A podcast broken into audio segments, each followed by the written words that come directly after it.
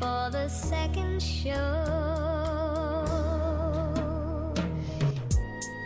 All right Vi er aftur i en øyla obskuron sett oppe eh här to sitter jeg når skumlar i bo i Buenos Aires, og jeg sitter i en øyla med snakk som lofte i havn. Yes. Og vi skulle altså täcka några ting upp her, som er i hendesens vikna. Vi var inne i sens vecka og så gjerne ta er eitt ølja sentralt ting hett. Det er at det er verskfall. Ja, det passar. Og fyrjar skuitad. ja.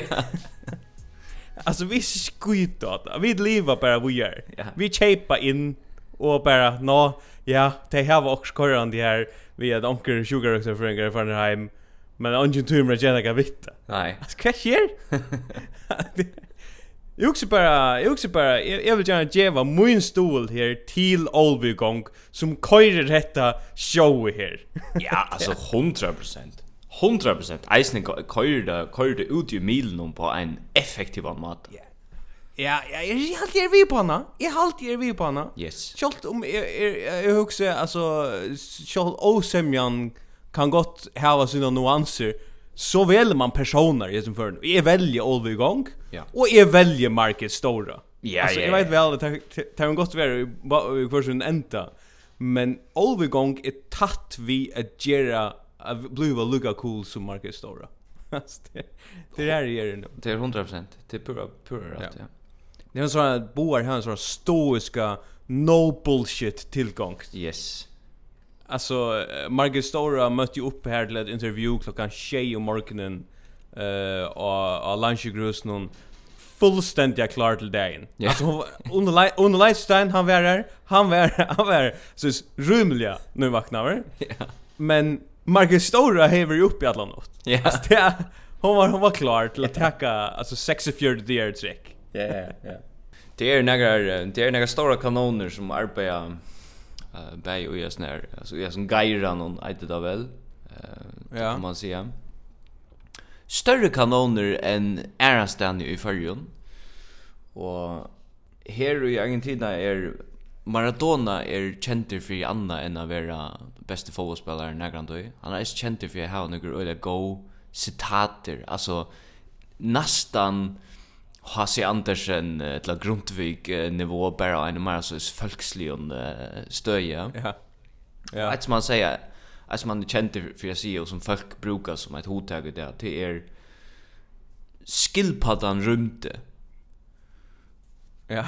og og ta ta ta ser man ta i onkel hur vi rasar eller øle så disträ och i onkel virksomhet, Ja Og så mykje distré at ein skillpadda kan rymma fra der utan at du legger mest til det. Ja. Og det er det som er hent vi tar sånne kommuner i samband med att tunnelsgråte. okay. Alltså Tobbe vann tunnelsgråte till Ronavigar och det har vi snackat om Og Och och jag sa bara att att en uh, en som stiller upp till kommunen väl, kommunen som som du säger senast blev vi att leverera. Det blir vi. Det blir 100% vi. Ja, ja, totalt. Han han skriver att jag jag jag har ju skulle lista så så några grejer med ett läsarbrev här han lägger Ronavika kommun i under allt möjligt och bara kör Ronavik under att här var liksom lumpa havnafälsne och tog jag heter tunnelskråte ska körast efter väven och i havnen men inte kvar skall tunnelsgråd køyrast etter hvis det ikke er etter vevon. Altså, det må køyrast av vevon. til det som veien er i Jersey. Jag huxar det samma. Ska man häva en en nutjan smidel eller också det cykla gråt det like vet. Ja. Det är det att det är frakt vi jag fällt som man ska man ska bara häva ett fraktskip till till gråt isne. Ja. Det där man väl alternativ. Annan går det jag nämn vi. Ska ska man annars göra? Men det är pura absurd att vi vi vi alltså befinner oss till att du befinner dig i en lande här hövus lukka som avbjóingen 2020 er hvordan få vid borster bant etla flott til gråte som vid sprøntja ur okkara lofasliga luttla lande. Altså vi har, vi må kanskje byrja hugsa om at kanskje det vanda mykje at bli via sprøntja sånn ek. Altså, onkur odj for kjøtta søkka ni bare i havet. Ja, altså det er, det, det er liksom tann odjen som ena for vær, eh liksom mövlet att big var. Hon är väck nu till vid språngt igen att vi det bruk för en tunnel. Ja, yeah, ja. Så alltså yeah. så ragen kan gå upp ända vi bluva till. Till vi kommer angående till den där tunneln. Alltså 100%. Hon kan bara bluva Odgen där man språngt i allt väck. 100%.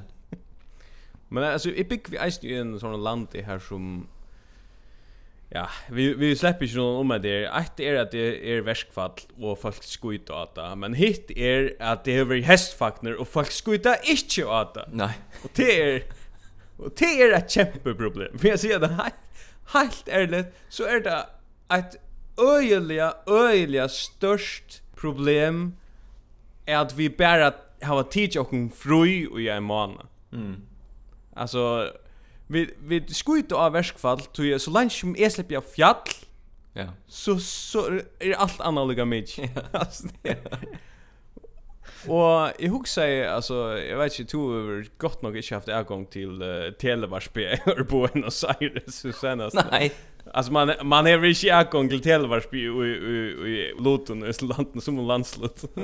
så det har man helt inte i i i Buenos Aires men uh, alltså jag huxar Hur du ser några av sån camping någon där har haft. Vi då snackar om hästvagnar inför, men hur du ser det? Jag har faktiskt inte fyllt vi hästvagnar i år så vi är spända att höra vad du har. Alltså jag också ehm tan ena kappingen och Vet ska till ordan, Är skiljer väl hästvagnar röjner att köra sindra og ironiskar distanse til tæra, tæra virksemme. Mm. Røyna köra då. vi kör några stortliga kappingar. Mm. Til dømes her, hever du Tidje eit størst eple opp. Let okkun tutt størsta eple Her du kan gjøre FM-vinnare og i førja størsta eple. Høvesvinningren er fra Valdemar Lutzen, Bidjebo og Lasa Senasta. Ein etablera fyrtøkka. Ja, ja og vire 1500 kroner. Yes. Ein hestar landbrukspatje vi einun speka einun greina sakse og 30 kilo av NPK-tø.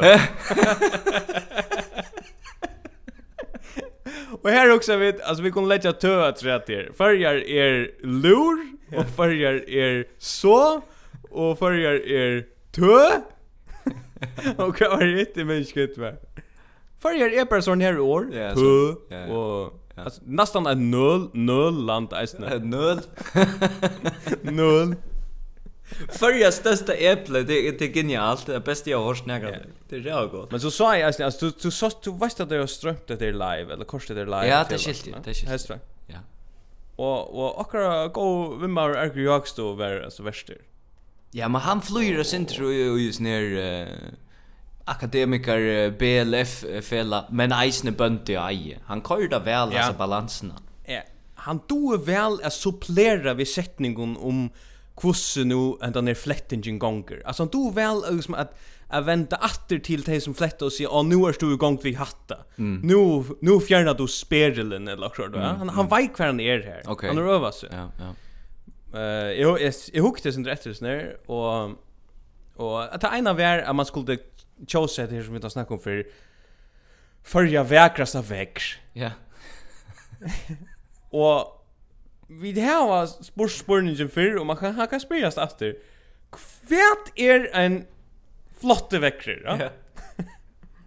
och i som för någon så sa jag bara att uh, med en uh, domaren som var Johan Eli Paulsen, mm. kör lökningslimner. Mm. Men han men han liksom eh uh, förklarar kvärt skulle till. ja. Eh så gjør han ene vekk, han ene vekk sin er sin søs. Jeg tror mig ikke å standa her og være til utstilling. Jeg tror mig ikke å standa her og være i topp troi vekraste vekkere. Så han blir gjøre om seg, han blir lukkast med å hoppa sinter atter fram her. Og han som helder i hotten noen og vekkere noen er sin søs. Wow, är det ner han ger sin rum så ja. Han är sort en sort annorlunda uttryck som var så wow, jag hoppas jag kan för att göra också nu va. Och Och så säger Erik Jakobsson som är värster. Han säger ja ja nu så jag det när väckern han han rönde så att ja du vet. Så säger han heter det livande George så tar Jerry akkurat som de vill ja. Ja. Säger han. då ja. Nej, det gör det inte. Du till standa och halta och i väckern. Ja. Till standa och halda dem og en kapping om at tjosa den vekraste av dem tar gjerra ikkje akkurat som der vilja i hans her støvne tar gjerra det ikkje Og til eisen, til eisen så er det, hvis du erst en vekkri, så vil du jo sjå han det være oppi i hian og et eller annet, veist da, du vil være mm -hmm. her som det er grønt og så, da. Men hvis du var værlugga som, som vekkri tvinga over at velja et samfunn her der bor folk, altså Ja. Så att tvingar du sig du kan sig fär hian där. Så du måste du måste fär om gräsan. Du har fär färd is. Nej, nej, det är du. Du hej fär till haunar. Allt detta pratar vi då haft om hästfagna en i sin podcast det är ju reisen just här att jag finns ju AHA för sån ting som jag har haft AHA för ja. Och det är ja. Det är round det gott in your Facebook i förrjun som som lukkar som outdukar tamentarna som vi lever i. Ja. Og til sjående Facebook-bølgar. Ja. Og jeg fann en Facebook-bølg som jeg meldte meg inn i, som eiter okay. vid som hava seg av ahua. av ahua? Okej. Yes. Og tar de i og jeg ikke kan det her, tar de i hukse. Kvært er hinne bølgane? Ja. Yeah. altså, finst ein vid som hava seg av nei, altså vi som er vi som är tvun, tvunchen av ha seg. Eller vi som hätar seg. Ja. Vad är det vi det när vi säger bulkar? I för fall här en som skriver in och ända bulken, det kommer ofta till er ofta så bara gemyttlet omkring mynter och omkring säger och så då så skriver folk vi caps lock och ostarna sätta spurnar till 18-4. Mm, Hur snägg vi är han, eller då, så att det är sådana spurningar. Ja, ja. Och Ölja nek sumen, ölja nek sumen gullaksen vi kemi. Alltså, oj. Oj, testosteron vi kemi är. Alltså från sumen Gullaxen. Så sumen Gullaxen look here. Sumen gullaksen ska stäckas nu. Han må gira ner. Han må lycka lycka gira ner. Han har vunnit. Han är han har vunnit. Och det er ganska sånn kongsjør-typa, eller jeg valgte, men det är en som skriver, Det är en, det är en, en kona som skriver, en kvinna. Er løyve at seta livande seg til søli her. Og det er altså okay. en som, det er altså en som er Leo vi at hava ahua vi säger virka det som hon tog med fans man hon för ivrig bulchen vid som hata sig vi som hata sig er prøv det stå om at er er løyve at ja. seta livande seg til søle her. Altså er det løft at selja seg her som livande. Som livande, ja, ok. Hva er nekka svær? Ja, det var nok svær, men det var ikke interessant. Det var mest sånn, er han storer, altså, forskjellig sånn. Sjån var det det, sjån var det det. Hvordan jeg vil gjøre det? Samme person skriver så, stort at han har et nytt oppslag, han skriver, Jeg har tre gymperlomp Eitt veverlamp til søle veit ikkje livande vekt av veverlampen. Ta er ikkje ein puininger.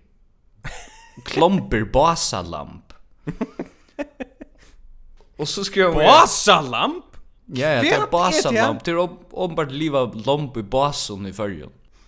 Og så skriver han videre Tå kan ta brukas til te. Gimperlampene er i tidsen til suyes, tui drap var ikkje ui dem. Wow! Alltså det är jävla våldsamt det här. Det Hon, hon är alltså Jimblomb och och bara skriver i har day, i har three Jimblomb men tum skälja dig. Men jag teach dig till suyes, vi tum inte drepa dig. Du det var ju no go att drepa. Treisen, är ju här det är ju för vi vi säger någon hästfaktan. Han är det bästa han kan uppnå i sin liv. Är det blöd drip? det är ju det är ju jävla makabert. Alltså det är ju sjukliga makabert och det hade Eisnes hästvagnar hade Eisnes så sent där kappingsna här här förja skjotaste flättar eller yeah. eller förja bästa flättar eller så där. Här som lägger borgar shore stillas ju upp och skulle köra eh pastus på tui och och på kvalitet. Kvärt sker för att man ska köra på tui. Alltså kvar är viringen för för säger någon här Du ska du ska kraftet med klara på 8 minuter. Jo, allt det där vi uh, vi vi uh, slakte någon och och och fermenteringen om häste och och fermenteringen om häste och allt allt hänger bara saman i en en en en suppe ja. Ja, ja. Men det hänger eisen saman vi at uh, vi kunde vi kunde gå så vanta i førjun att man gånger ut av gøtne och man lyckas som ger sig ganska några allmänna tankar om att man atlas sig en tur i hejan eller också. Mm. Så är typen som scrollar privat i öknaratten efter där. typen är där. Alltså Men så bara lukkar som så stillesliga huxar vad ska jag för gänga med en tur i en landen och som är uppväxt nu och här vet. Jag ett fint samband vi. Alltså så är Ja. Så kommer typen som scrollar private öknaratten ja, ja. Ja. det är ju storstater där. För er är som storstater i USA alltså. Ja, ja, ja. Private mest, property. Det mest lukt. Eisen ta i ta i lagt mest ta ta vi några ta vi grind några för chans, ja. Ja. Och ta i grind hur vär ju förjon. Alltså attan då, som viken attan att du en grind. Mhm. Så blöva öll bara manisk. Blöjene gänga bara amok och skriva om det i ena vike och folk skriva så som kvärt hände vi grindene eller kussen jag skinn och heima pastar våre. Ja. Och så är det som så är det som alltid kommer som vimmersing som hatta vara ett oskipa drop. Du vet det? Ja. Akkurat som man klassificerar kvar kvar det går nog att drepas, kusse vär droppe. Alltså att det det är ju det er jo rettelig greit hvor vi ikke har uh, flere mor i førjen av mennesken. Det du vil hava for negv mor av Jor som kompenserar för det till att vi inte drepa människor i landet. Ja ja. Alltså det, det, det är så, det är så. Det är en god teori. Men alltså det är det är liksom så Kvör är no go att drepa, kvosse blev det drepa och så är det när släpper vi det drepa atter? Det är det som händer då en grind kommer, ja? Så yeah. vill man atter i grind. Yeah. Nu ska Nu har våra folk haft tvär grunder i år. Nu ska jag kraft ett med få en heimapast och släppa ut att drepa här, ja? och så uppständer det så våldsamt paranoia i folket. är tror Du, du kjenner seg søvnar om folk som har vært først i en øyemørsk, mm. og til å være dehydrere, og så blir det å fyra sær du vet oaser av vattnet du vet det syns så Anders and teknofilmer vet inte minst så ja jo jo jo du blir oimenda där att du sast vatten tar du bruk för du ett lockor så ja. Det samma hände vi förrän går att han till en grind i förrän du att folk skriver bara så som jag sa eisen en grind. Men du sås det känner grind. Jo jo, jag sa en utanför västanför Midnes. Här var en grind. Blöjde skriva Hilde sig hava var en grind, men det var ikke en grind. det blev ju bara en eller illusion. Ja, ja. Det man så här fyra så här, tog att man var så manuskri av som vision att drepa ett djur. Fullständigt, ja. Ja, det är crazy. Alltså vi skulle läta, vi skulle läta några få att drepa djur här i i i världen och och te är i ordan och på en en rymda förnuftiga mata så ska man röna göra. Men vi kunde inte bara vara ett helt land här öll skulle drepa.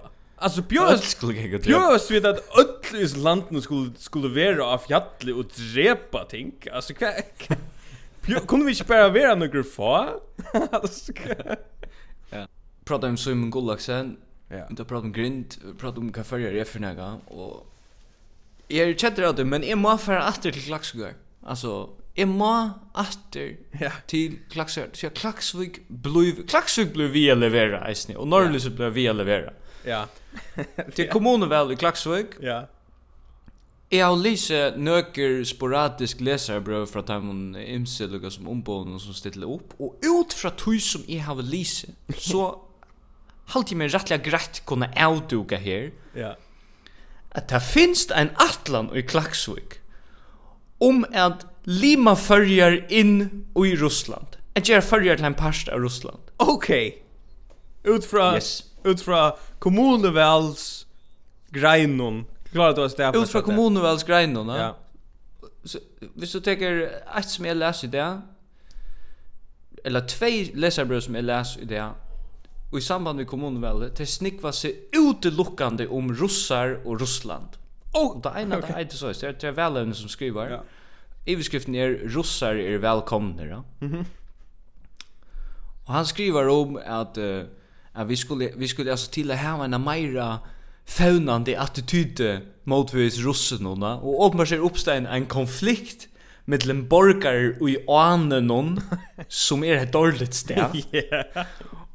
Och hur russis skipen ja, som kommer in här Og hesen fyrir han skriver Russar Teir hava bruk fyrir at komme møvleikon og i fyrjun At sted a vera og i fri og navun Hetta er gilt høve tja klaksvíkjene og tja klaksvíkar haun a gera seg galdande Dua vit at sita under og lesa av er oalmendliga nekva henta om man hever nøs Og det hava vit. Og så endar han velkomnir russar og djeve anafölkje nottarfri. Så han hevur Hesi fyrir hur knekka kodna til hvordan man vinner hvordan man vinner Burasrally og i klaksfri. Yeah. Du fast meira Russland. Ja. Yeah. Og anenar få fri. Ja. Meir minni haun, meira Russland og meira anenar. Men eg hugsi bara lukka du hever Hamsins största territorium territorium är mm. som är Ryssland. Mm. Och du du du rönlugas at koka till ner till anunar och hellre att russar halta att anunar är intressant. ja. Te halta tær ikkje. Nei, det halda det ikkje. Nei, det halda det ikkje. Men her er öllum for en annan som stillar opp, ett annan lösare bra, og han er pura så samma samma nivå i här. Mm. Eh, i beskrivningen till honom är russar vill jag ha mera fisk från förjon och bjöa av i fotbollen. Okej. Okay. Och heter alltså en som han sitter i byrran i Klaxvik. Ja. Och han sier att i samband vi att man blev vinarbojer vid Sankt Petersburg som Klaxvik jo blev va. så leie borgarstjoren i Pushkin som er en liten bojer utanfor uh, St. Petersburg, opp til at KOI skal spela dist mot Taralie. og jeg uimynte mer, sitat, at flere utråttarfolk fra St. Petersburg kunde ukka utrått og i okkara utråttarfellun. Altså, hva er det som gong fyrir seg Ask, kan det förvirra han? Kan det förvirra det liv och ett och så skriver han Til opplagt at færa skrivstover, eit nu fondflå, gjerra færer til St. Petersburg, sommarholvena. altså, russar hef ikkje velratt i Klaksvik. Nei, det er jo alkall. Hva snakkar man om i Klaksvik for tøyna? Hva skjer? Alltså att man vara att man vara plus upp ur omkron. Att är ett prat omkring i Klaxvik som här här folk gröna sia är det vi tog mig hauna. Vi tog man näck med det Santa Petersburg. Att like vet alltså ja. kvet allt ju gar ett annat vilt? Klaxvik slutar sig läst. Det pura vilt. Pura och jag också bara alltså det här det här som händer vi vi vi kommunvalen och Klaxvik Ja, Alltså det är några alarmerande tendenser för för en av sån flock som har valt att ställa upp i Klaxvik. Framsökt stillar upp yeah. i Klaxvik för första för. ja, det är så. Och jag har två år som Luisa akkurat här avgörna. Det är er masochistiskt virksomhet. Ja, ja, ja. Alltså, det ja. Det är Det är en sån, vad ska jag vill gärna häva noll ätkvöver. Ja. Så är och följ med väl vi noll att och hästen är fyrren som stillar upp som det är bara ett väl under. Är det bara ett? det är ett väl under. Okej. Han är den här rattliga ambitiösa ehm Atlaner. Eller inte Atlan men han är en statement där som som för att som för att få han 100% in och inom kommungotna. Mm. Och det är Jeg elsker Klaksvik og bygdenar i kommunene, og ikke minst folkene som byggva her. Yes. Sier nutja velevne, kjør framsøkt. Super. Han, super, hatt det ja, som, uh, hatt liksom uh, vellyftene kjør framsøkning Klaksvik, at elska Klaksvik, i kommunene og folkene. Så man lukkar som ja. alt vi. Jo, men... men alltså, han vill stadiga få noll Ja, för att få noll ätkor. En annan flocker som som som körde rätt väl väl klaxvik till Sean det Scholster, gamla Scholster, ja. Mm. Och jag vet inte om du finns ju vi att du att du har haft du gick inte till Scholster nu så här snä. Det är sån rumble, rumple och i och i samband ja. vi uppställningarna och i havn. Ja. Du ja. Du är tvär buscha för så sitter upp som man för burra allt det. Det är det bästa jag lyst nägrande. Okej, ja. Schulster i havn melda ju ut Björna Hejon som är öjliga. Alltså öjliga Den Haag typa alltså öjliga domstols typa då är det. Ja. Meldar tydliga ut att Schulster för inte stilla upp i havn så kommer et nytt tyndaskriv om at sjálvstyre stillar upp og i havn av tog at Sakari vank og Dan Klein yes. og negra cannabis-typer har okkupera flotjen. det er gjørs en kup. Det er gjørs en kup. hej och nu bara sitter stittleslig in i farger att uh, medan medan några cannabis typer har gjort sig kupp. Ja. Och Och sen stod till så att till så i havnen, ja. Ja. Men Schalter är rymliga väl etablerade i Klaxvik, det har ju borgarstjöran. Och mm. Och så läser jag två skriv från från Schalter i Klaxvik. Ehm um, om ett nytt ett nytt välönne som stillar upp. Och heter är ett ja. öjla, visst det är folk som har en liten boiras politiker i budgeten och uh, just här och, och som lustar det ner. Så är det ett öjla gott döme om hur man inte skriver ett två skriv. Mm Ja. Emery Joe stillar upp. Alltså från Kjellstorn. Hon heter em Emery Joe ständigt Stillar upp. Ja. ja. Men hon äter inte Emery Joe. Ständigt no. att han. Okej. Okay. Alltså ständigt. Hoast öll kennast vi navnet Emery Joe. Så er det kanskje ikke öll som vita at hennara skrasetta navn er Ann-Marie Jaspersdøtter Midjord. Kvet stendur av välsälen hon att det är rymligare relevant. Det är rymligare relevant om man man ständer lighter efter kan säga Emery Joe, Emery Joe. Men finner Anna Maria eller jag Anna Maria Jaspersdøtter Midjord. Nej nej, men Charles är ju tidigt hade för snart. Jag tänkte skriva att hon. Ja. Ja. Tui mu folk eisne minnast til at av atkvøveselen skulle de leita etter Ann-Marie Jaspersdøtter Midjord ta krossren skal settast. At det får innvikla! At det får innvikla! Alltså ett är att man ska röna få väl väl vi sån shownar men de har ju gång över namn. Alltså att arbeta vi. Så är man ett problem. Nej, det är fantastiskt. Kvärt med Emery Joe fra och det mån till Ann-Marie. Det var inte folk ätas ner till ting klax för att det får som snö. Ja, oj. Archie och alla så här.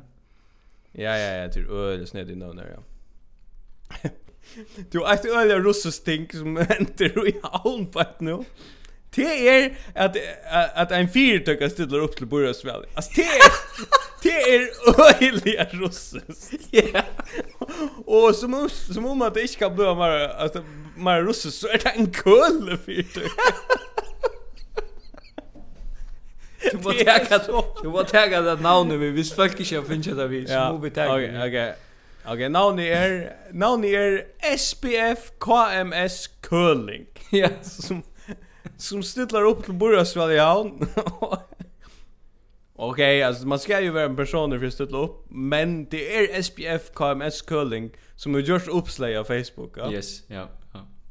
Och och det är till fair nok att rena att bruka fyrtökna till det.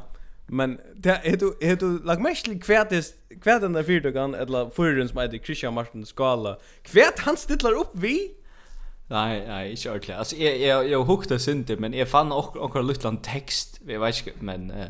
Han stilla bare opp vi, utelokkande. Han stilla utelokkande opp for jeg gjør ting, og Arjun. ja. ja. Altså, han har skriva, jeg vet ikke om det er, det er kanskje en tusen år til sammans. Ja. Yeah om kvært han atlar gera og Arjun. Ja. Han atlar at uh, framskunta nytt gräslut och josteirar vi völln och Arjun och arbetar vi utrottar höll Arjun och arbetar vi ungdomshus och Arjun och arbetar vi leje uppon och skolan och batahavn och og utrottarfjalla i Arger og Hantel og Arja på vegen og altså her, yeah, yeah. her er bara voldsomt nek om Arger Och här också bara alltså ha? Eh jag jag sa jag sa han skriva en sån en sån introtext uh, eh och och och det var som du säger det var eller som er i arja med om en hals Jeg har som mål at oppnå en samleika av Arjun. Ha? Hva snakker du om? altså, altså, folk har haft en ett mål om att uppnå en samlägga av Arjun men här var missednast. Tror jag att Archer hever det största problemet i Torsarna kommun yeah. som är att det här är inte en samlägg. Alltså du har större samlägga av Karla Magnus Arbreid och, och möter upp till borgarfunder och sånt än du hever via Big Arjun. Yeah. Alltså det må, det må vi bara stäffas. Ja, ja, ja, nej, det är 100%. Och, och, Og tog halte jeg at det er faktisk et rettelig nobelt prosjekt, Yes! Etla tja fyrtøkne. Til at, hva skal jeg? Det største problemet vi har i Torsrande kommune, til alt som fyrgånger artsjon. Ja. Det er det. Det er neiot vi er noen veløvne som vil uppprioritera Archer. Ja, men det kan vi inte tacka den mannen, alltså, eller, jag vet inte det var mer eller en kona, eller om det var flera, det vet jag ju inte. Eller en fyrtag, bara. Det är ju småparstafälla i KMS Curling som stytlar upp. Ja, ja. Men de flesta välövne som har varit framme här till, de vill ju allt för nek, de vill jag spela plås, parkeringskjattlarar, cykelbrejter, hackre ja. normeringar, idrottar, ötje, mätpackar. Ja, svimming. Alltså, 100% vill jag det allt. Och hentan fyrirtøkan som man alltså kan stämma på vet ja. akkurat nisch kvärt hon vill och hon som du säger stillar upp vid en noblon ja. endamål för faktiskt att lösa de största samlägga krepporna som vi då känner i förskom politik. ja, det är det mer archa folk. Ja. det det är ju kvärt är det. Nej. Men alltså Archie var om inte Anna och Arn han den nutja brickven kom över om uh, över om Santa. Mm. Så var Archie a sinter en sån bastion. Vi såg så så kom först Här du bara kunde komma in i en ena brick, en picka lilla brick va. Ja. Så kunde välja ja. det öliga väl. Du har ändå en ena å som lukar som du fjall och å och sand och så är du här och du ja. bara sinter så är Eine för kanske komma in til Archer, og ongen kan rymma fra Archer. Men nu du finnes en så stor, stor brunna, så Archer stender, og Archer leker vi, vi brunni om yeah. Santa Ja, ja, ja, ja. Ja, ja, ja. Og eisen at, at, uh, som du eisen har sagt for, det her gengas turene konga være, altså det, det er ikke skik. Nei, altså, det er ikke en god tur. Nei, Nej. Nej, men vad ska er vi på där? Vad ska jag det alltså de helt får vi väl den här också. Argumentation är i ordan. Prioritera Archer nu. Jag hade absolut att hvis folk hvis folk vilja Archer folk nägra gott så skulle de att kvar för småparsta för KMS curling. Ja, 100%. Och eh hetta leiði meg är til till hit som folk halda vera problem och í havn eller Høyvøk som det nu er. Det er Karla Maxens där breit, mm. og Uh, til uh, kommunen røyner desperat at røyner kjer og sviet her yeah. Arren Arren Velle Ja. og har så haft en sånn uh, borgare front uh, uppe i skolan Løkman, right? Yes og her uh, her, her har det så framlagt framlagt en uh, haltar atlanna. Yep. Och här uh, har vi hur vi märker till att när hur man näkrant och just en haltar atlan attarna man har byggt stege. Ja. Alltså när när det lukka som vaska vi gör det inte haltar atlarna åren men vi ger honom nu till det liot. Ja. Och så så får man så ja, men vad ska man så göra? Vad ska man göra? ruva han nyer och så ska det är fullständigt absurt. Nej, alltså det ena så döm jag kan huxa om det så där som det ena så döm är du att finna som som vi känner till det är det är god alltså ta god skapt i hjörna. Ta skapte han alltså lukar som Jose myskre dagen och allt och så skapte han hjörna. Utan ha peiling av kan att lägga vet du. Karl Marx är akkurat här. Karl Marx är Torsna kommuna er bliv er bliv en god figur i förskom politik. 100%. Och och det kommer in där och ser som jag husar bara till problemen som är falskni hava uppe i Karlamansarbet. Det vad ska fair nog att bilar och man gör det envägs och sort. Men hur ska allt bottna i parkeringsvisskiften? Hur ska allt sentrera runt om ett äkfär i sin land nu? Kvar kvar kommer till kvar kommer till från Til dømes en, en, en forsida av dømme ting systvike er eisne her det stender uh, av forsidene rundt køyringarnar ein farsa. Ein farsa?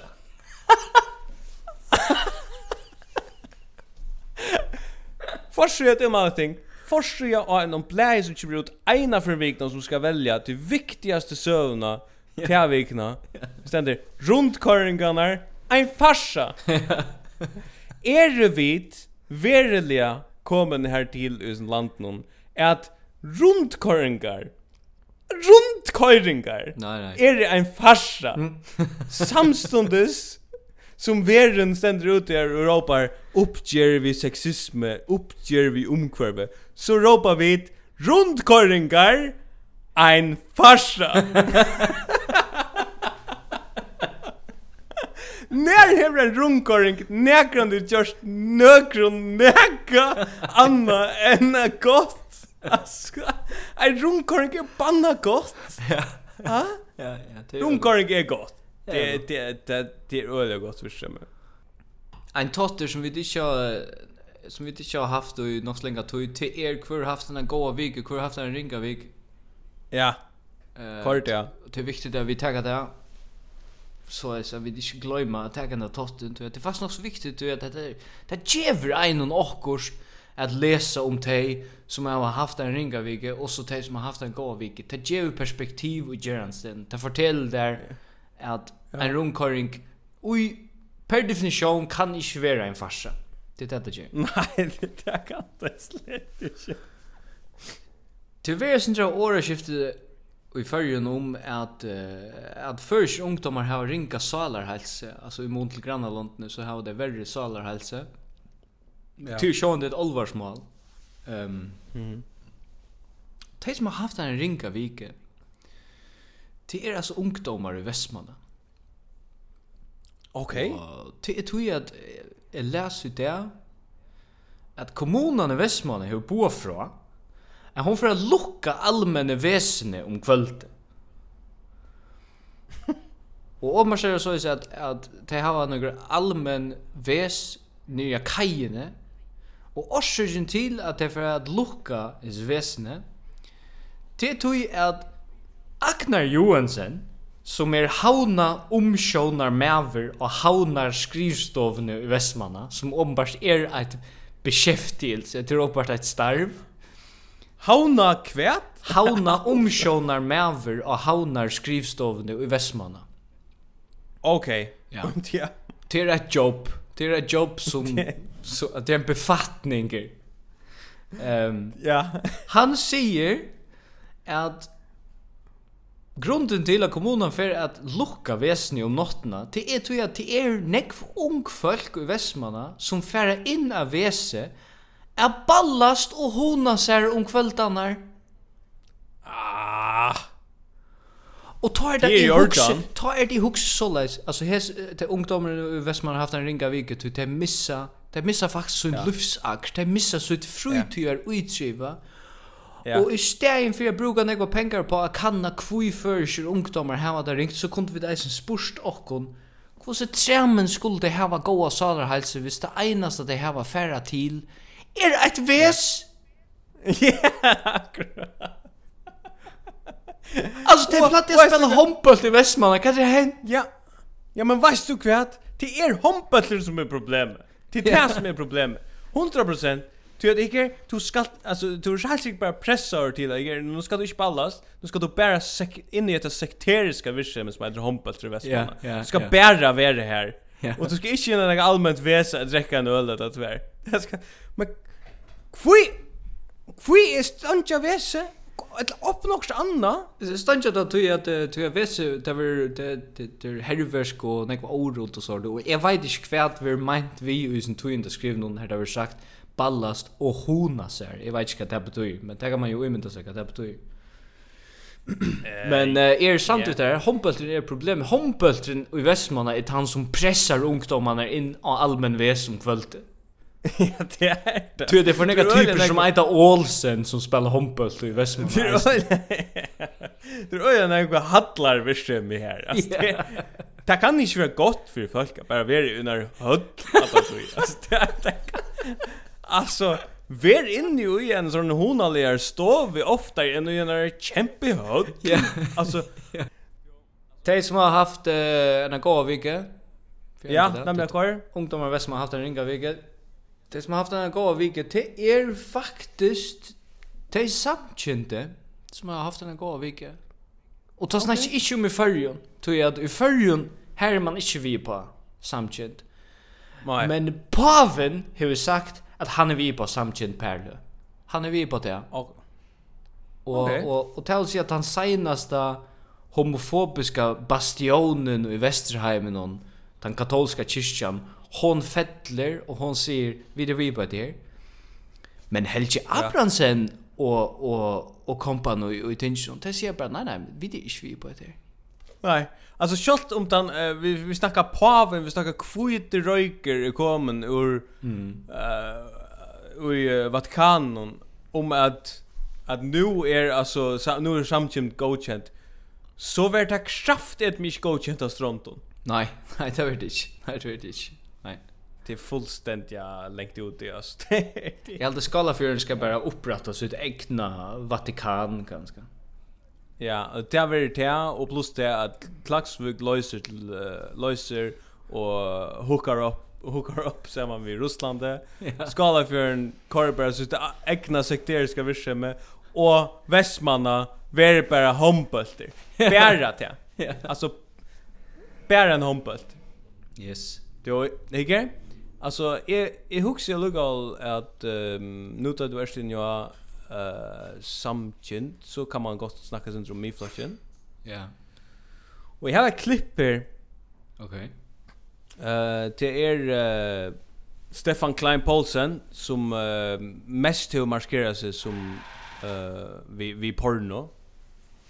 Altså. Ja, ja. Ja. Han uh, var i, jeg vet ikke om du har det breddan i det. Nei, det er ikke. Här var det ungdomsfelen eller ungdomsmannafelen i politiska ung ungmannafelen. Mm. Som tåsar om sexisme. Og Stefan Klein Poulsen, han uh, valgte at uh, at sige a synder om hva han helt var viktig. Og et av dem tingene til å være uh, at tjona var viktig i snirførene, åpenbart. Ok, ja. Og det som han sier, det er verre det her. Bare for at det var grunnprinsip til åkken i flotsen, og en vinkel til åkken er at, ja, men tjonaband er det rette, det til du meka, altså, hvordan skal du komme vid nyrande vidmerkingen og, og handlingen eh, møter øren enn en til person som den der nærmast, da? Hæ?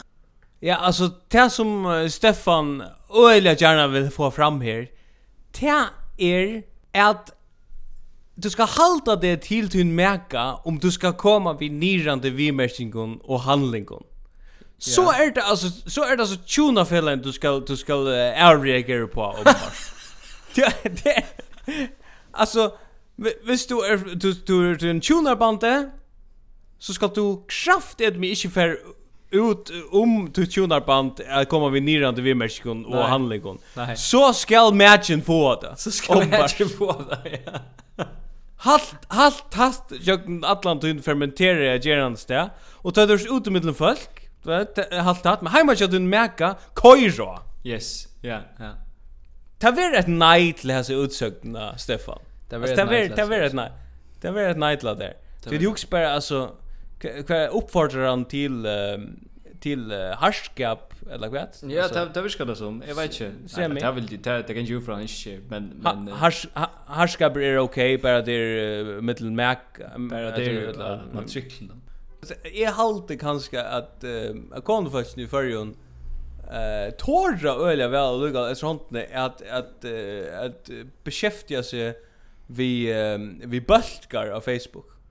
Okej. Och så lugga. Ja. Jag jag också att det är så en växande tendens att det har lagt det har lagt några ting ut av bulkar här men man man smäcker till alltså. Mhm. Och också är sjum att att vi ganska för att ta det upp. Okej. Och ser här är en bulkar som heter Ja, att för jag snackar om nisje, Hette är en bulkar som är nisje namn.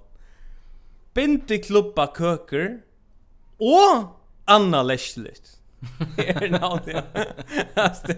Då ser jag, du har bindeklubba köker som uppenbart är läskigt. Jag vet inte, jag vet inte det är sannhet men bindeklubba köker och anna läskigt. Ja. Eh, här är en som skriver ut han skriver Luka en showdown spurning. Alltså det är så Luka Luka sån en showdown där. Kvön fisk Køyra tid Ui kalvasalat.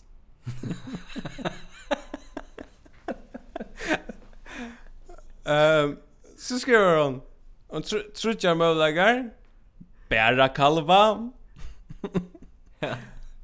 Bära annan fisk. Om ja kvön och sen tre mövlagen är blanda. Alltså där visste vi mer syns inte under Det. Är Då finns det mycket där. Kalva. Ja. Du är inte kalva sallad. Kalva, ja. Och då nästa vi vet inte är tosk.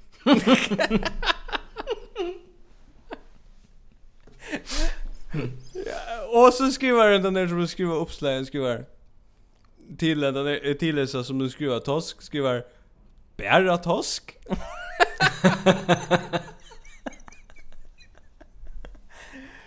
kalvasalat er vi kalva. Ja. Liot. Så så har vi ett eisne alltså hade jag apropå att vara framalliga, Det är såna ting som som man kan undras som man undras mer av i 2020 än man gör i 1991 här som man faktiskt i förrjun är ja. Mm. Det det är det är ja. Mm. Och och heter det heter det ett ett nummer konfession i förrjun är ju 2020. Ja. Her er uh, til okkara gåa balk, uiblåstur til okkara heim. Mm. Her er uh, et oppslag.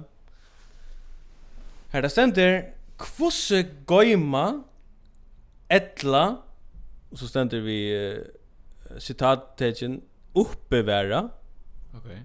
tid, veserutler. Å, oh, herra god, og så skriver vi mersing uh, under, setter heie tær i einar skuffe. Men ha, men halte til nok så deiligt at her er framme. Så folk sutja hver der er, hver der er. Okej, okay, Hvor er det deiligt at sutja några vesel. Åh, oh, här är några vesel. Men alltså, hvis man ordentligt, alltså, hvis man ordentligt, ordentligt huxar sig att, att Hvis man alla tar så ett turn av väsen och nu får ju innan yeah. väsen och är alla mer super skita och tror då. Ja. Ja.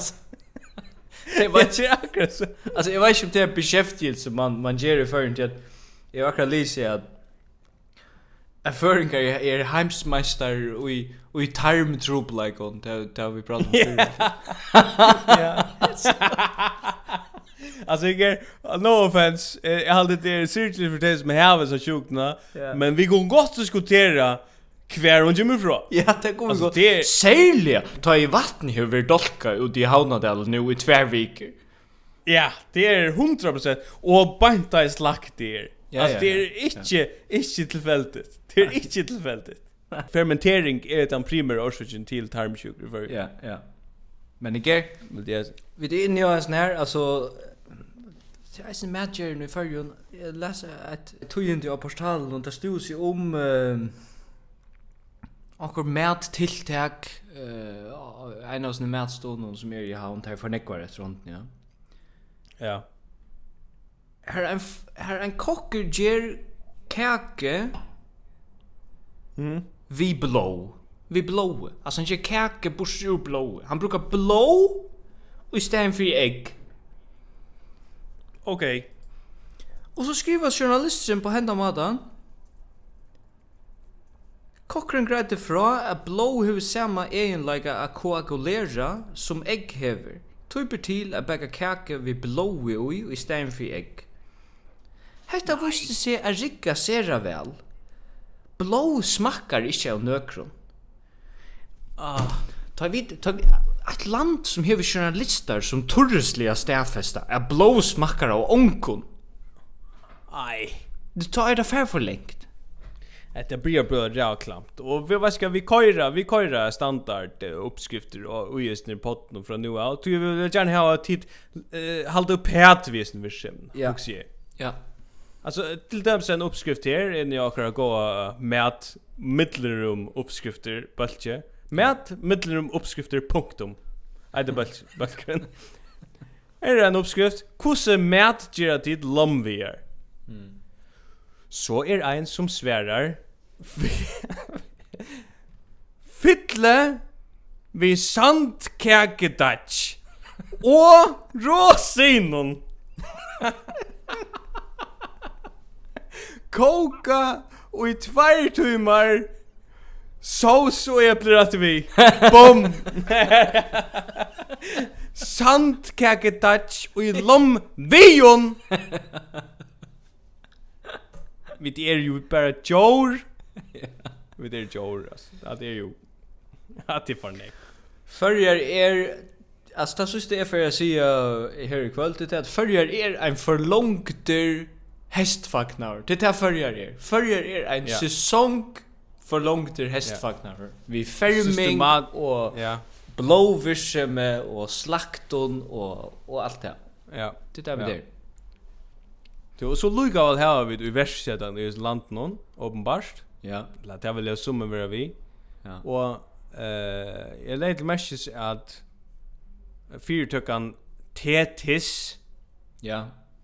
Er Orsens i verksede. Ja. Ja. Och Er det lukka som det besta i versk seda ruje man kan finne i fyrjun? Mm. Ein fyrtøkka vi, vi lukka som leggvann og nirri i landskassan og her fyrja folk bare er tvunget til a gjalda ty det er ein pandemi. Søyer, altså tjena kassan på en pandemi. Ja, og er det lukka som her hugsa, ok, tid er i versk, nei, tid er i versk, nei, tid er i nei, det er det ikke.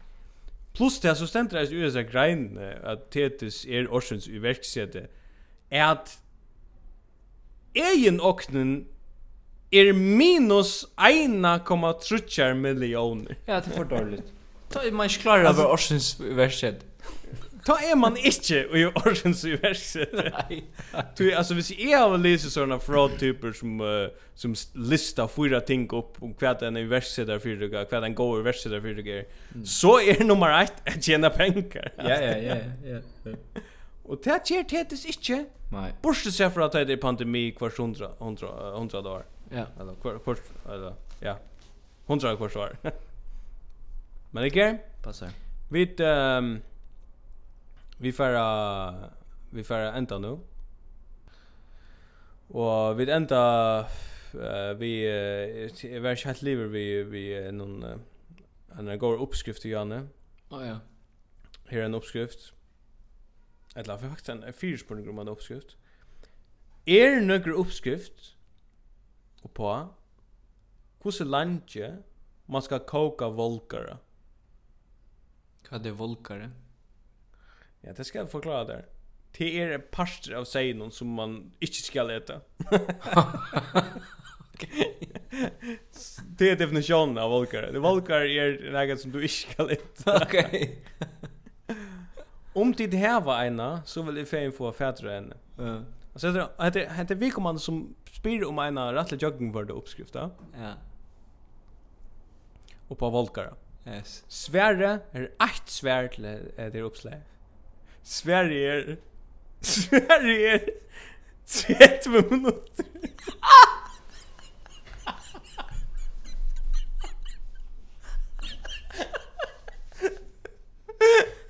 Sverige er bara... Sverige er Tors... 30 minutter Etla... 8 andra Og på... Et, et petti av seinon som er så feit at du kan ikke engang få det nyrom. altså, det er... Volkar, ja. Volkar. Nei, men altså, det er... Bara heim og koka volkar av vi tykkona, altså, jeg er også bare, altså, hvis du ikke melder deg inn, lukka som kone først i førne, og melder seg inn i 2020, mm. så kom, kom bara, kom bara efter det lukta den för det så mycket fett det. Fantastiskt. Fantastiskt. Vi hörs. Jag vet. Alltså.